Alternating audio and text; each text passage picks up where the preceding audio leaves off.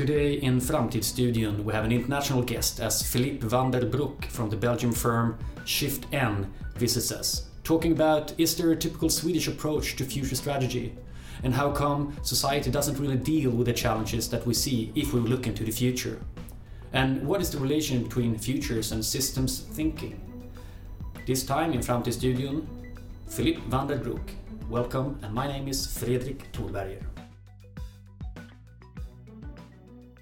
So um, it's time to take a look outside the Swedish borders, and we are very happy to welcome Philip Vandenbroeck to the Framtidsstudion. Welcome, Philip. Thank you very much, Frederick. You are here as one of the teachers for our International Certified Future Strategies program. Can you tell us something about where you're working back home in Belgium? I'm a, a partner in a consultancy company which which is called Shift N I helped to establish and to found the company 25 years ago already. Oh. Um, I have a background um, in Shell. I worked a couple of years for uh, the Royal Shell Group, which is, as some people that are familiar with the history of foresight know, that is a company that is strategically mature. They are typically looking at long term developments in order to right. think about their own strategy and that's where I came into contact with uh, the uh, discipline of scenario planning for the mm-hmm. very first time. And so I left Shell with a couple of colleagues, and we established Shift N, and that's meanwhile already quite quite a while ago. Mm. And um, so we've been building that practice over that two and a half decades. And scenario planning, futures thinking is still an important part of that work. It's not the only thing we do. Uh, we complement it with what we call systems thinking or systems analysis. But basically, what we do is to support decision making by uh, various actors, both mm-hmm. in government, local authorities, civil society actors, philanthropies, foundations, international NGOs, and also in the corporate sector, of All course. Right. It sounds like Kairos Future quite a lot in that sense. I think there's a significant uh, overlap between what you do here in Sweden and what we do in Belgium, yes. Yeah. Have you experienced the same thing as I have? That uh, often when you come out and meet customers, people ask, "How do you end up working with this?" Or? Yes, it's a question that uh, that I've heard a couple of times. It's uh, because I mean, there is no well, there are degrees in in futurism or in futures thinking, but they're actually uh, not very common. No. There's a couple of universities worldwide mm. who offer um, academic training programs, but it's uh, on the whole, it's something that's not, um, I would say, uh, often on the menu of, of, of academic institutions. No, no, So people are surprised to, to, see that indeed, you know, you are making a living of thinking mm-hmm. about the future. Um, as I said earlier, for me, the exposure I had to strategic thinking and to futures thinking and Shell Group was important. And so I've been, been able to build up my practice based on that knowledge, uh, that exposure and also to the network that came with that. Oh, of course, yeah, yeah. And I can I can tell a little bit about that if you're mm, interested. Um, when I when we left, uh, you know, when I left Shell together with a couple of colleagues, we started to work initially actually under the umbrella of an organization that was called Global Business Network, mm. and again, in the history of uh, Foresight, the last couple of decades, GBN is, uh, is an important name. It was a company that was established in San Francisco mm-hmm. by a number of people who had a past in Shell, in the planning group at Shell, okay. but also at Stanford Research Institute. Peter Schwartz was one of the people behind there, and uh, Stewart Brand, uh, Lawrence Wilkinson, Napier Collins. So, uh, people who um, you know were familiar with futures questions and they thought the time was right to bring that kind of thinking to the business world and to uh, local governments right. and, and so on. And wh- when was this in time? That was in, in the uh, late 90s. Okay. It was yeah. in the late 90s I mean, if we go back in the history of foresight, I would say that the technology emerged around after the world, Second World War, would, in the early 1950s but as ma- with many things, it's actually military technology. Yeah. Um, and it took a couple of decades in order for it to mature, and then you know to be ready to be uh, you know transported to mm. other societal sectors. Right. And so GBN played an important role in bringing this uh, way of thinking into the business community. And um, I happened, well, I was lucky enough to be able to connect to that professional community. And so the first years of my career, I, I worked actually on a global business network brands, Okay. mostly projects in, in Europe. Um, but that was very formative. Um, and um, and so that's been able, I mean, that's enabled me to build up this uh, practice. Right. Um, And your formal academic training? Is well, it's a little bit eclectic, okay. um, which is not a di- not a, not a disadvantage, I would No, say, in absolutely this not. No. in this line of work. Actually, I started out as an engineer, and and more particularly as a what we call now a bioengineer or Okay. an agricultural engineer. hmm But uh, already while doing my engineering studies, I picked up a master degree in philosophy, hmm and then later on, I also did a degree in urban design. hmm And and in hindsight, you know, this is an interesting combination of I would Mm. say skills or ways of thinking, because it combines the designerly way of dealing with complexity with a highly conceptual way of philosophers with a more solution oriented and practical way of engineers Hmm. and bringing that together is basically what we do all the time in, Yeah. in our work yeah Interesting. So now you're here as a teacher, one of the Mhm. teachers for the International Certified Future Strategist Program, the ICFS. What is the ICFS? Well, as I already mentioned, the, there is there is a, a lack, I would say, of academic uh, programs Mhm. that that uh, offer people a way of developing these these skills, and so the alternative would be that you have, I would say, almost vocational training or professional training to make up for that deficit, and that was basically the idea. Um, I would say six, seven, eight years back. Um, Kairos took the initiative actually, Mhm. and I I remember that Kairos had a training program already. You know, it's been running for quite a long time, Hmm. um, and the idea was to um, well to take that uh, that, that that training program and to internationalize it Hmm. because there's definitely opportunities to bring that knowledge to an international audience. It doesn't have to be right. confined to Sweden. And this is where the idea was born to develop a multi module uh, foresight program oriented towards practitioners Mhm. um, to help people in a relatively, uh, let's say, compact format to acquire the necessary skills to do this kind of work in practice in their own organizations or even as a consultant. And so the result has been the International Certified Future Strategist program. The development was co-financed by European Union. Right. So uh, we were able to attract financing from the lifelong learning program. And this has also enabled us to build the consortium, Hmm. which is behind the ICFS Right. program. I think that's quite distinctive that the program is taught by a mix of practitioners from different countries. I mean, Kairos is, uh, I would say, the lead partner, and then we are involved from Belgium. There is a Finnish partner, and there is a, a Greek partner, and there is a British partner. Hmm. And so this is makes from an interesting mix of of perspectives. Yes, and- that's one of my, skills. that's one Yeah. of my questions. What's the value of this multinational cooperation? I mean, is there a typical Swedish approach, for example, to future strategy that differs, or, or a way of looking at history or the future that differs from Belgium or Greece? Well, um, I would say, uh, I mean, the short answer is is yes, but whether it runs along the lines uh, of, say, uh, Sweden to Britain uh, or and Greece is another matter. There are definitely foresight schools, Right. and I think the main distinction we might make is, uh, let's say, an Anglo-Saxon version hmm versus a more Latin, French oriented uh, practice.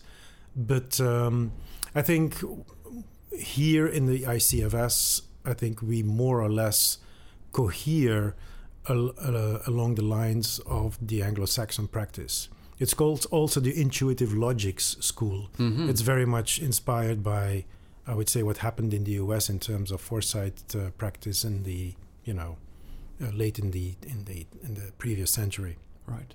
Um, so, and I think it's also important, you know, that we share that kind of common methodological basis, because you, if you ask participants to the course, they will testify that it is already a lot of material that they have to absorb and internalize.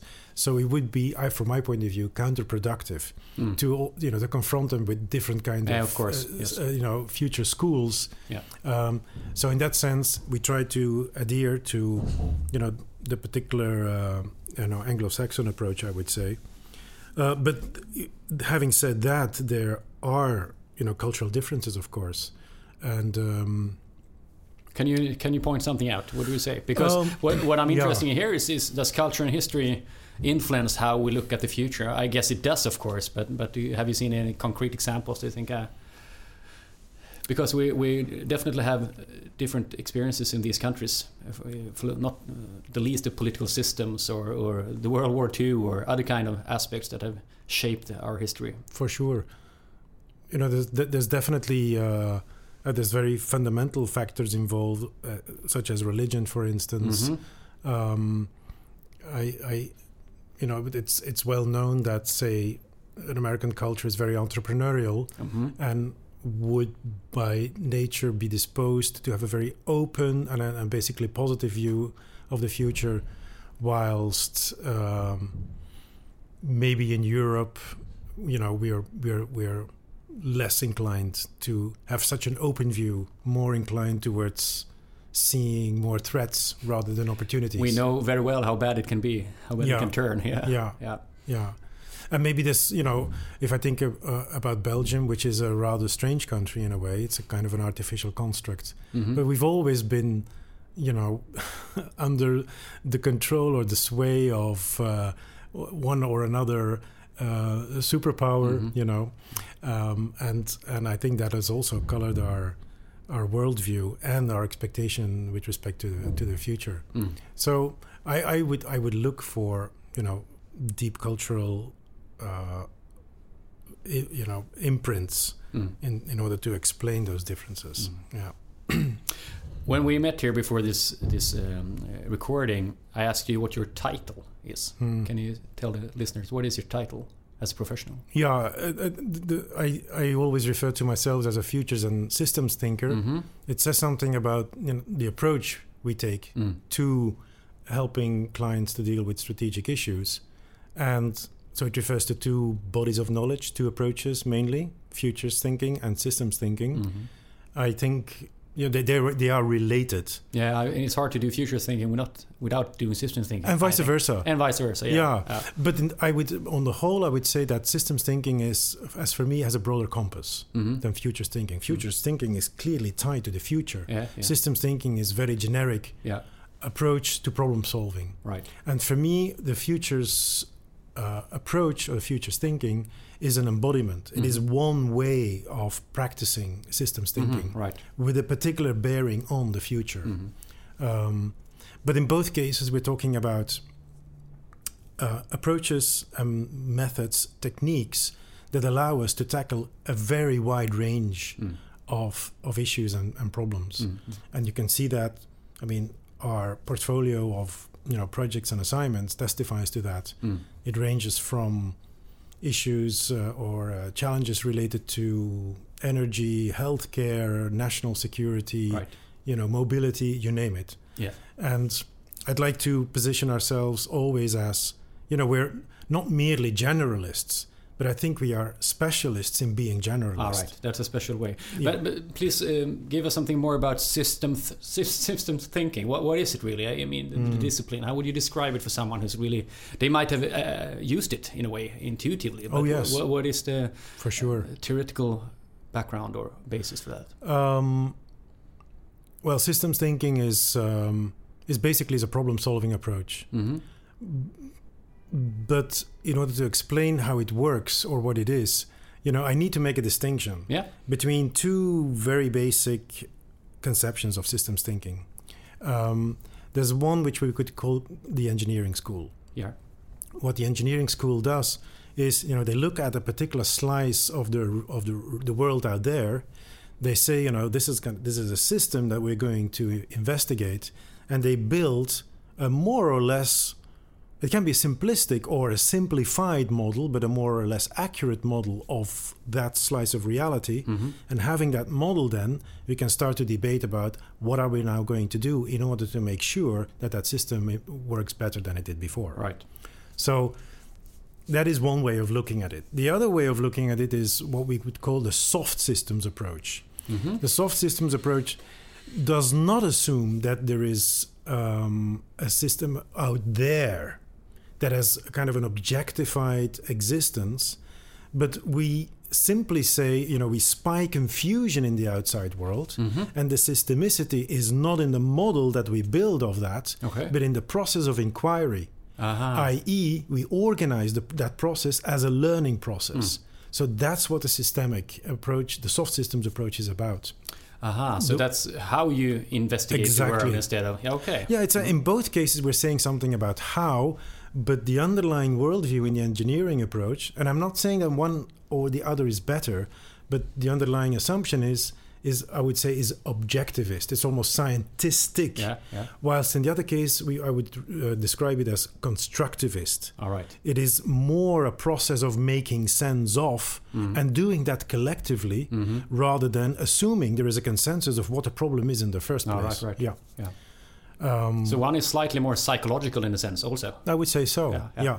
Philosoph- in- philosophical. yeah. well, philosophical and psychological in the sense that in the soft systems approach, we are going to take on board and and we're going to make explicit Mhm. the different worldviews and the different perceptions that may exist around what we would call a problematic situation. Mm.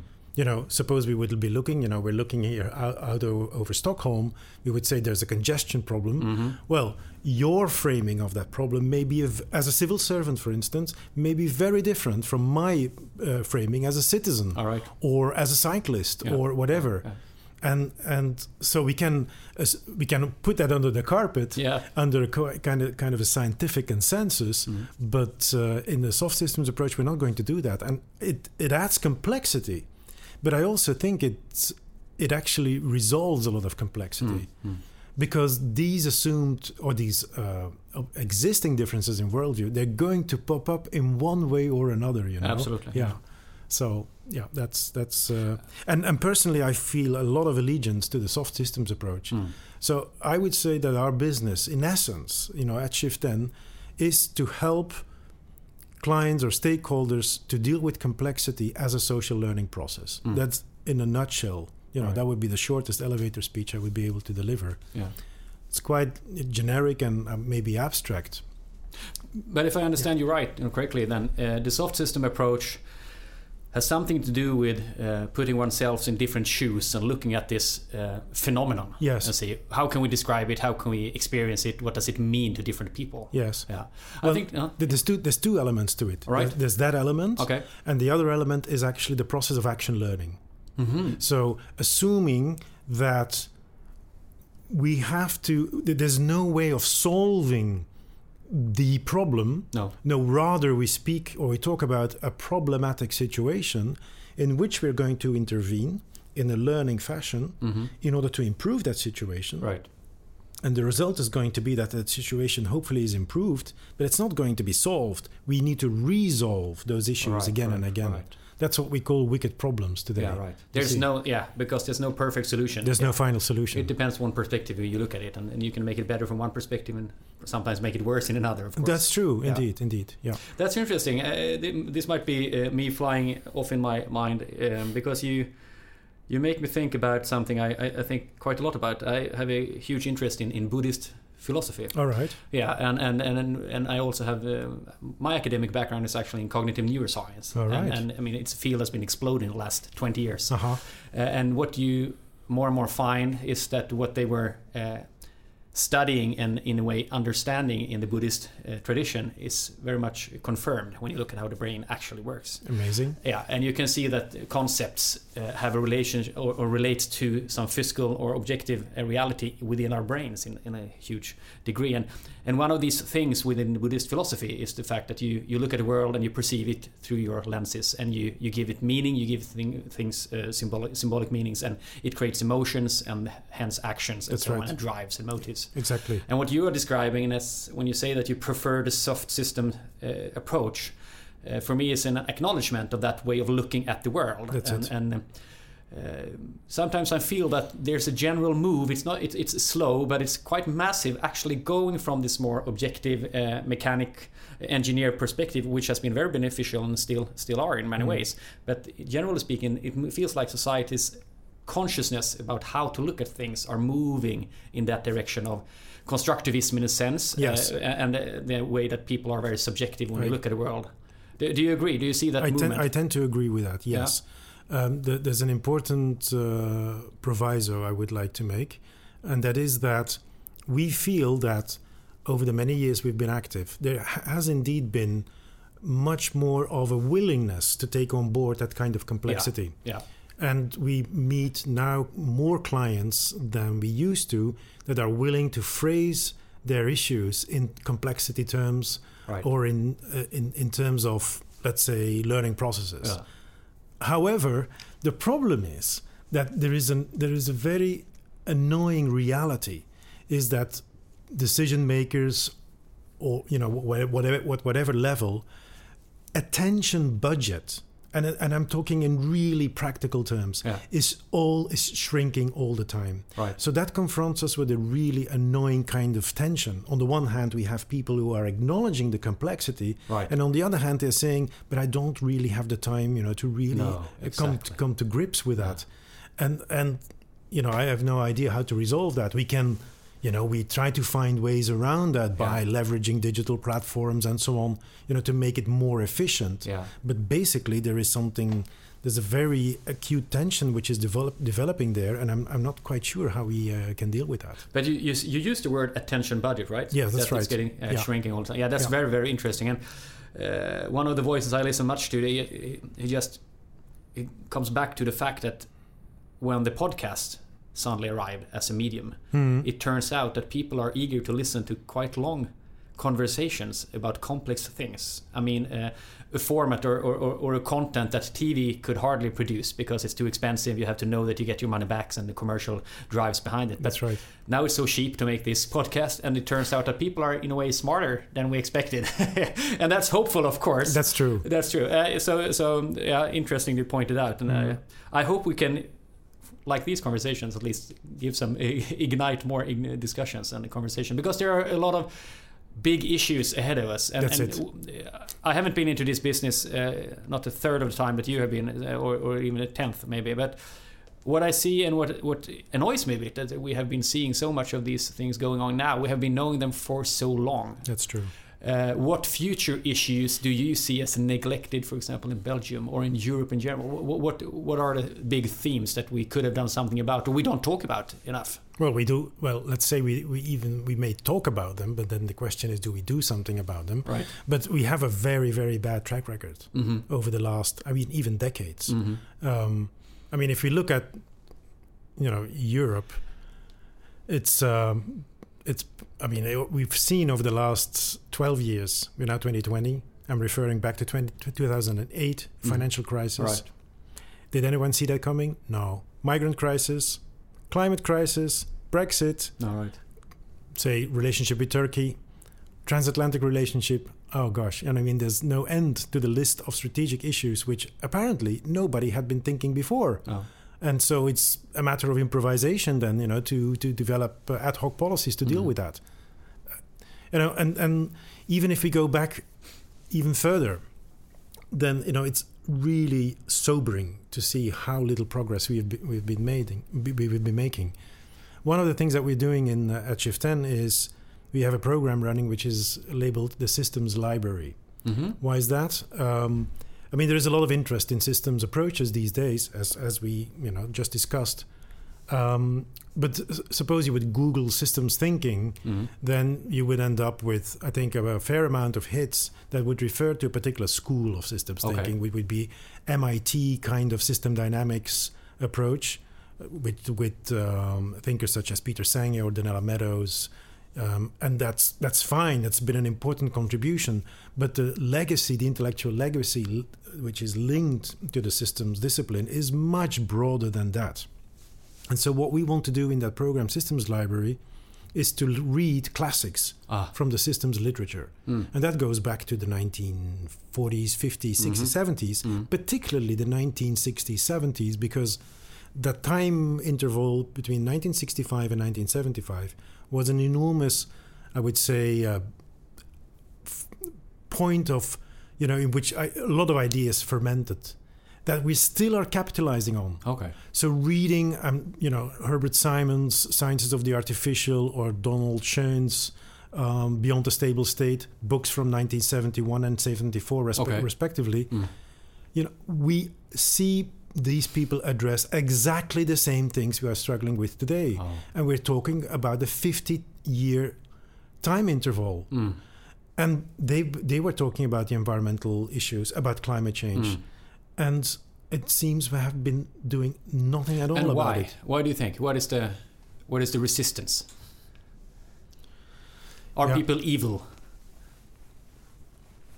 Well, I wouldn't say they're evil, but they're resistant to change. Or, or like we- some some people, the evil is unconsciousness.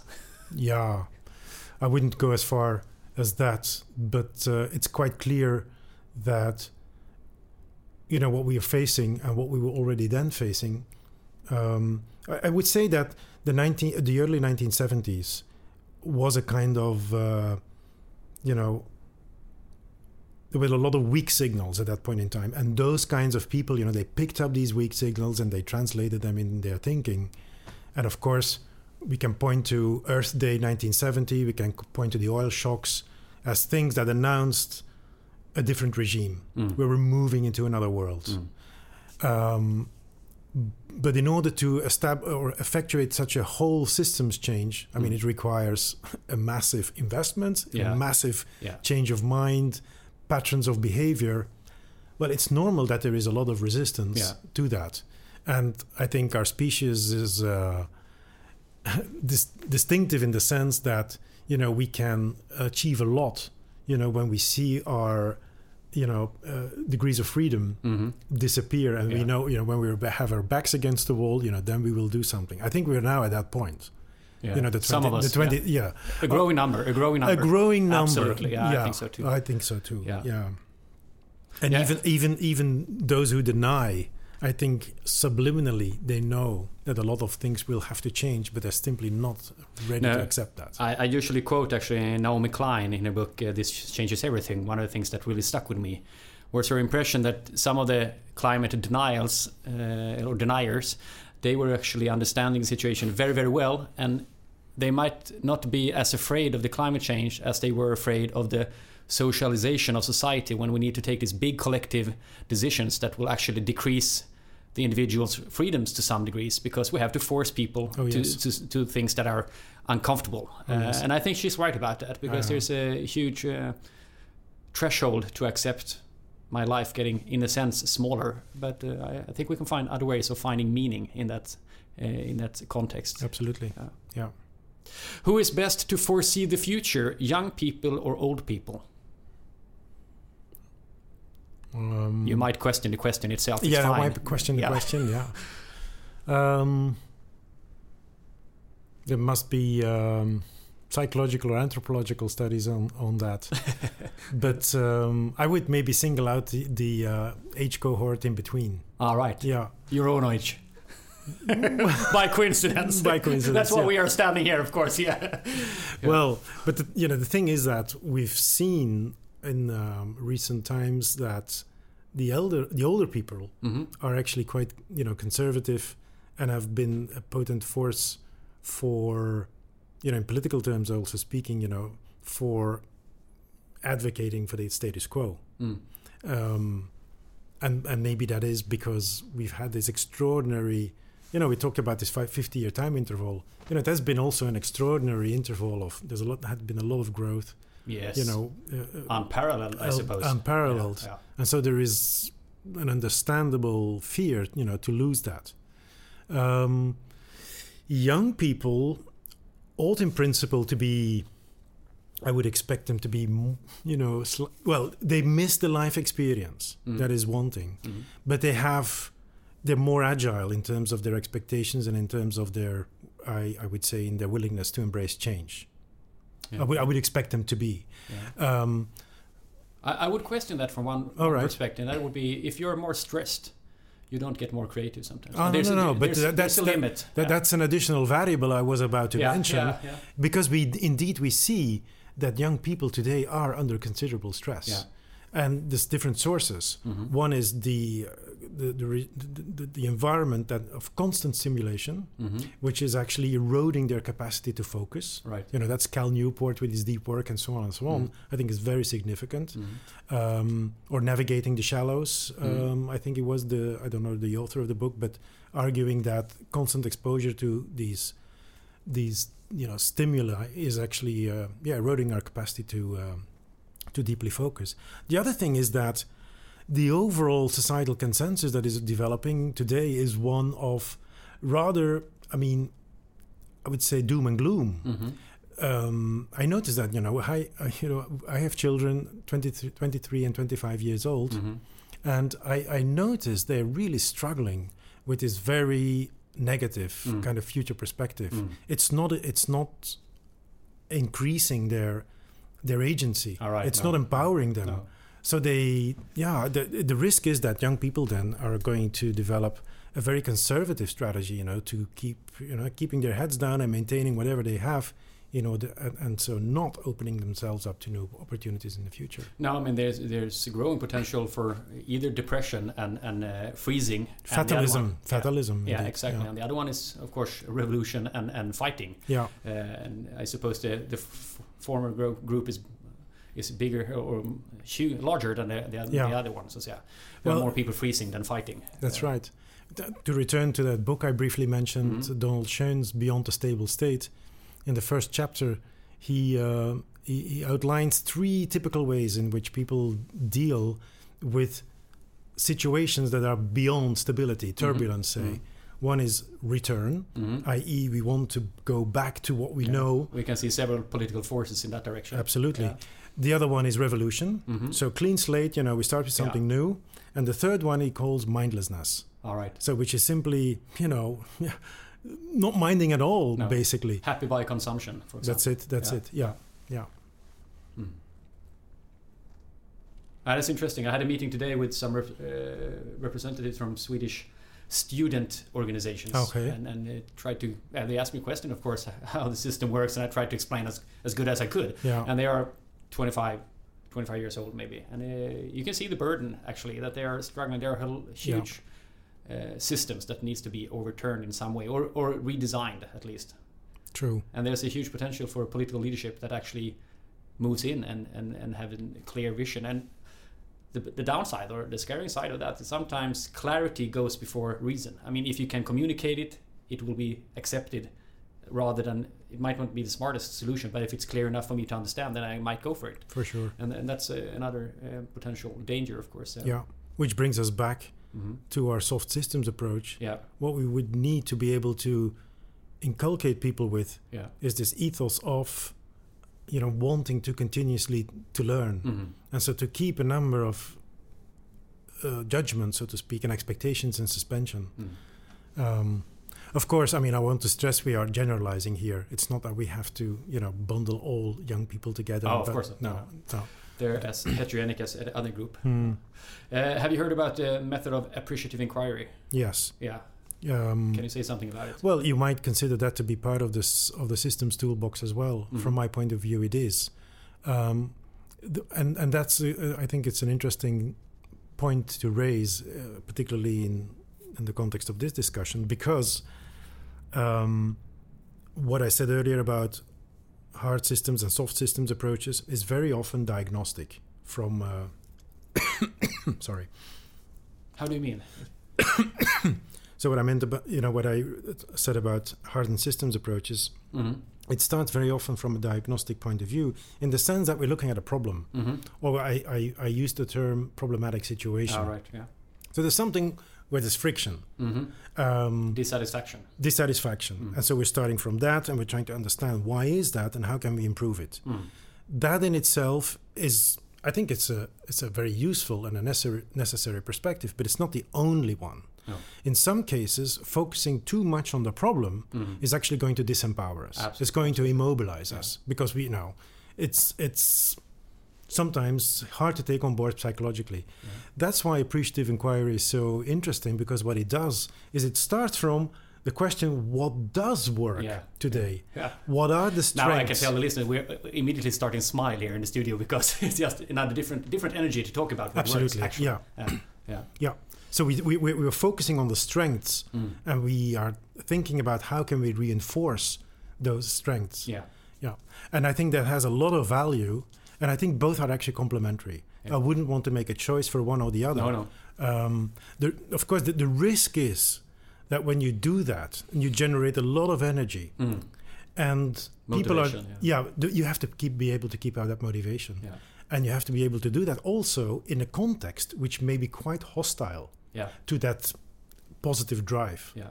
which doesn't understand it No. or think it's naive. Yeah, right. Yeah. Yeah, we talked about naivety. We were actually having a, visit here the other day about, from uh, Daniel Rickardsson, a Swedish guru within Mhm. the Appreciative Inquiry. We will meet him later on in Framtidsstudion. Uh, and he taught us something about asking the right questions. Exactly. Makes, uh, makes the world difference. Absolutely, yes.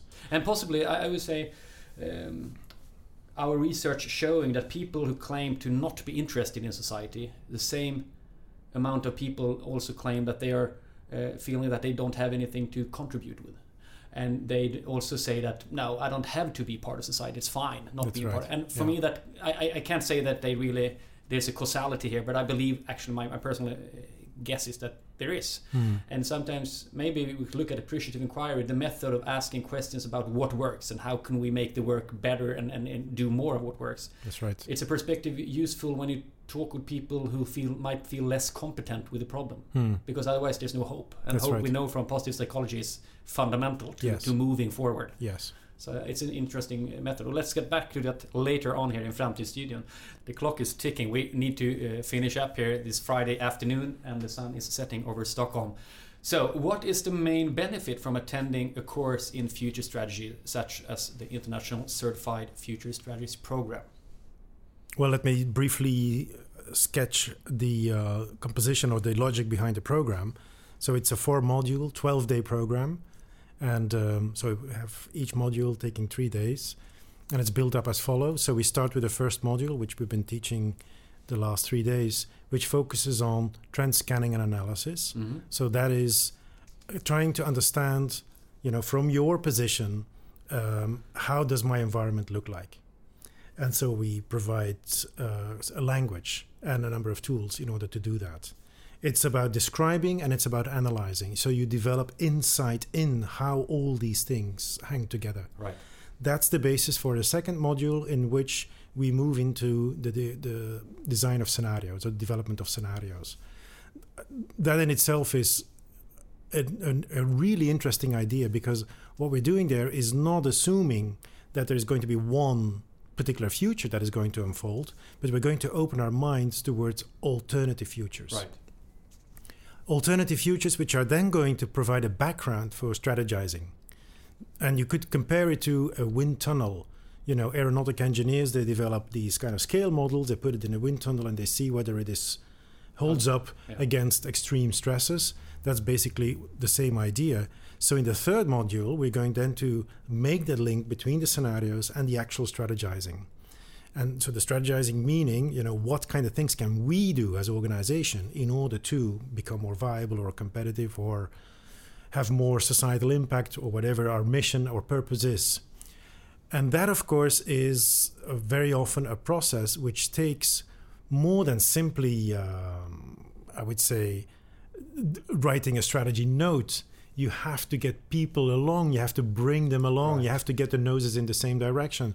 So there is a, a, a challenge of change management, as we might call it. Mm-hmm. In, in any case, you need to do that collectively as an organization. So, how do you do that? That's Mm. the fourth module. Okay. yeah. So, you, you build from, I would say, an almost kind of conceptual, intellectual, cognitive effort to understand where am I, to how can we do something about those cha- uh, the challenges we're faced with, to you know how do we do this collaboratively collectively as an organization and even in partnership with our stakeholders? Yeah, yeah. And, and, those tools sounds to me like general uh, strategic I mean, consultancy tools. It's not specifically yes. for future analysis i mean it, it, it's for anybody who works with people trying to make change. Absolutely. Yeah, yeah. Mm, very interesting. Uh, Philippe, I think we are ready to say thank you very much for coming to Framtidsstudion and I hope you will have a nice journey back home to Belgium. Always a pleasure to be here. Thank you very much, Fredrik.